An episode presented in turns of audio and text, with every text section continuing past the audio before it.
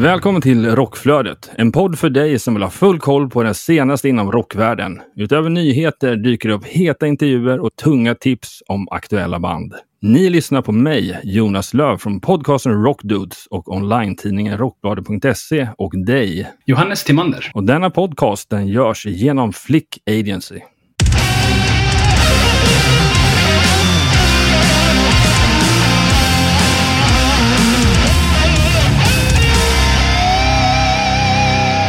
I dagens sommarfestivalspecial så ska vi prata med Atron från Dampf och Olof Mörk från Amrant. Och vi ska såklart återigen fokusera på deras bästa sommarfestivalminne.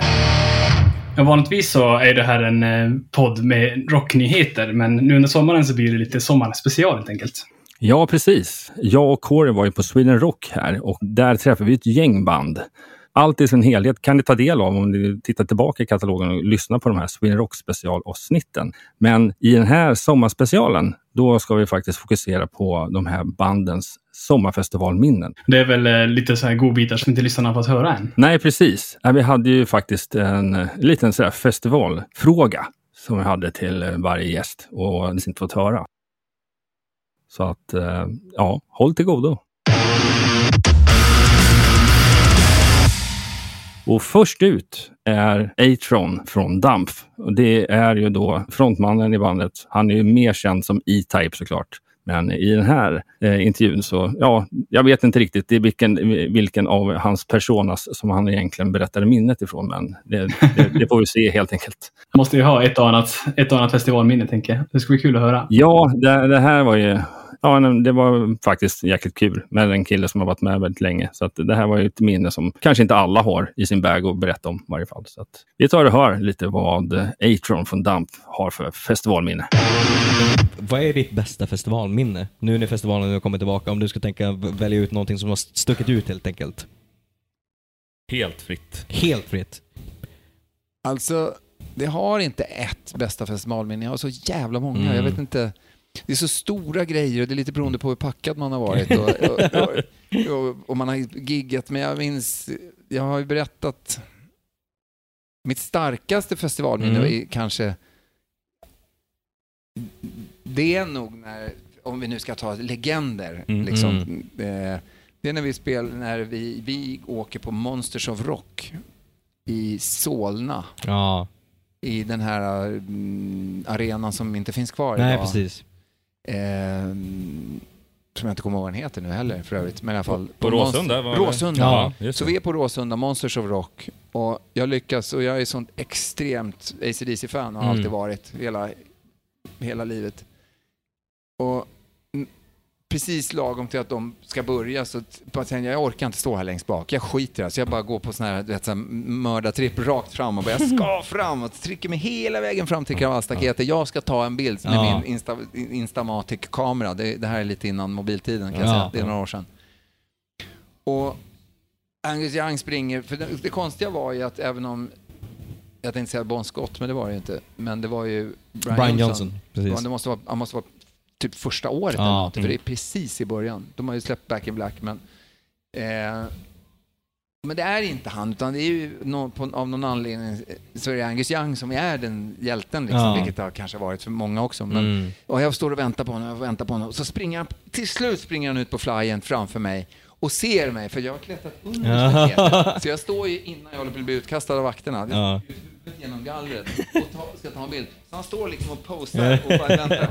Och, bild, och hakar kamerajäveln upp sig. Nej. Så jag står liksom och fixar med kameran. Till slut så får jag upp den så trycker jag av en bild bara i, i farten sådär. Och då, då får jag bara ryggen på honom. Ah. Då, då springer, lommar han iväg. Ah. Men han har ändå stått och posat ah, för den här ja, jävla Svennens lilla, lilla, jag vet inte, fan jag var inte gammal alls Nej. alltså. Nej. Han har ändå stått liksom och, kom igen grabben för fan. Det, det är några andra 20-30 tusen till här inne som... Ja.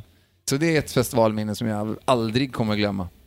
Och sen är det något som inte är hårdrock och det är när när vi står, men då är vi inte nyktra i Danmark och spelar med skoter. Så jag har spelat innan, skoter kommer in efter. Och så kommer han fram och säger Martin, you got some really cool rings. Och jag bara, du är cool. Så, jag, så tar jag av en av de här dödskalleringarna så ger jag den till honom. Och han bara, it fits säger han och så bara går han. Och jag bara, eh, jag tänkte han skulle testa den. Så. Den tar han och drar. Hej då, ut på scen och bara Faste, harda, skoter! Med min ring. Jag bara, vad fan, det är han värd. Det är han fan värd. Det är roligt. Ja, det var fan eh, ett av de bättre minnen jag har varit hittills. Ja, det var jätteroligt. Tack så mycket och då går vi vidare till Amaranth. Precis. Träffar ju Olof Mörk, gitarristen i Amarant. Och eh, ja, även där. De har ju inte funnits lika länge som E-Type eller så liksom. Men eh, nej, de har ändå varit ute på vägarna mycket och spelat på otroligt många festivaler. Så att han berättade om ett riktigt eh, behjärtansvärt minne från svunna tider. Vad har du för bästa festivalminne? Och det går bra att säga fler än en, två går bra. Vi hade någon som sa tre Ja. igår. Så att, men om du ska välja ut någonting som så här, sticker ut. Antimusikaliskt eller bara rent personligen. Ja. också. Precis, bästa festivalminnena. Alltså, vi har ju haft några riktigt mäktiga... Jo, jag måste ju naturligtvis välja. 2018 så spelade vi på Rockfest eh, Finland. Mm. Som är en av headlinersna där i... Ska vi se nu. Utanför Helsingfors. Mm. Och då hade jag förberett en, eh, en plan. Min eh, dåvarande flickvän trodde att hon skulle åka dit och överraska mig. Att jag inte visste att hon skulle komma dit. Och detta var ju Ah. bara en del av min grand master plan, så att säga. Mm. Och eh, till syvende och sist, när hon väl skulle dyka upp och överraska mig, Mm. så uh, undvek jag henne. Mm. Gick rakt upp på scen och spelade och sen ropade ut henne på scen för att sen fria till henne inför Ah. 15 000 pers. Ja, det där slår ju... Det är inte mycket som slår det där. Nej. Ner på knä, alltihopa vet du. Och det, det var bra publikrespons på det också. Alltså, jag vad, var, vad, var käns, vad var känslan precis innan du gjorde det? Det var ju en, en, en grand masterplan, men Mm. ändå var det nervöst. Det var, det var lite som att gigga ikväll faktiskt. Ja. Att Ja. Nu har man planerat under flera månader. Ja. Allting har gått i lås än så länge. Nu är det bara att njuta utav upplevelsen. Ja, liksom. Ja, exakt. Inför 15 000 pers slut. Precis. Så att, så här, märkligt nog, jag hade nog varit mer nervös ifall det varit tu man hand på en bro i Paris Ja. som hade gått ner på knä. Nu hade man ju publikens backup också. Ja, exakt. Så det var fantastiskt. What's not to like liksom. Hur? Ja, Exakt. Det går inte att säga nej i varje fall. Nej, det hade ju varit jobbigt. Den hade ju varit tung. Hon sa ju faktiskt inte ja, utan hon sa ju of course. Mm. Luring Så där. frågan är ifall det är eh, juridiskt giltigt. Exakt. Ja, men ni hade ju ett fan- fantastiskt bröllop sen, senare, så att jag var sa magiskt. väl då, om inte annat. Ja, det var allt för den här gången och eh, ni får gärna följa oss på Rockflödet för det kommer ju nya avsnitt varje vecka i stort sett i alla fall. Precis, så du kan ju följa oss på sociala medier som eh, Instagram, där heter kort och gott Rockflodet. Och även på Facebook, där vi heter Rockflödet.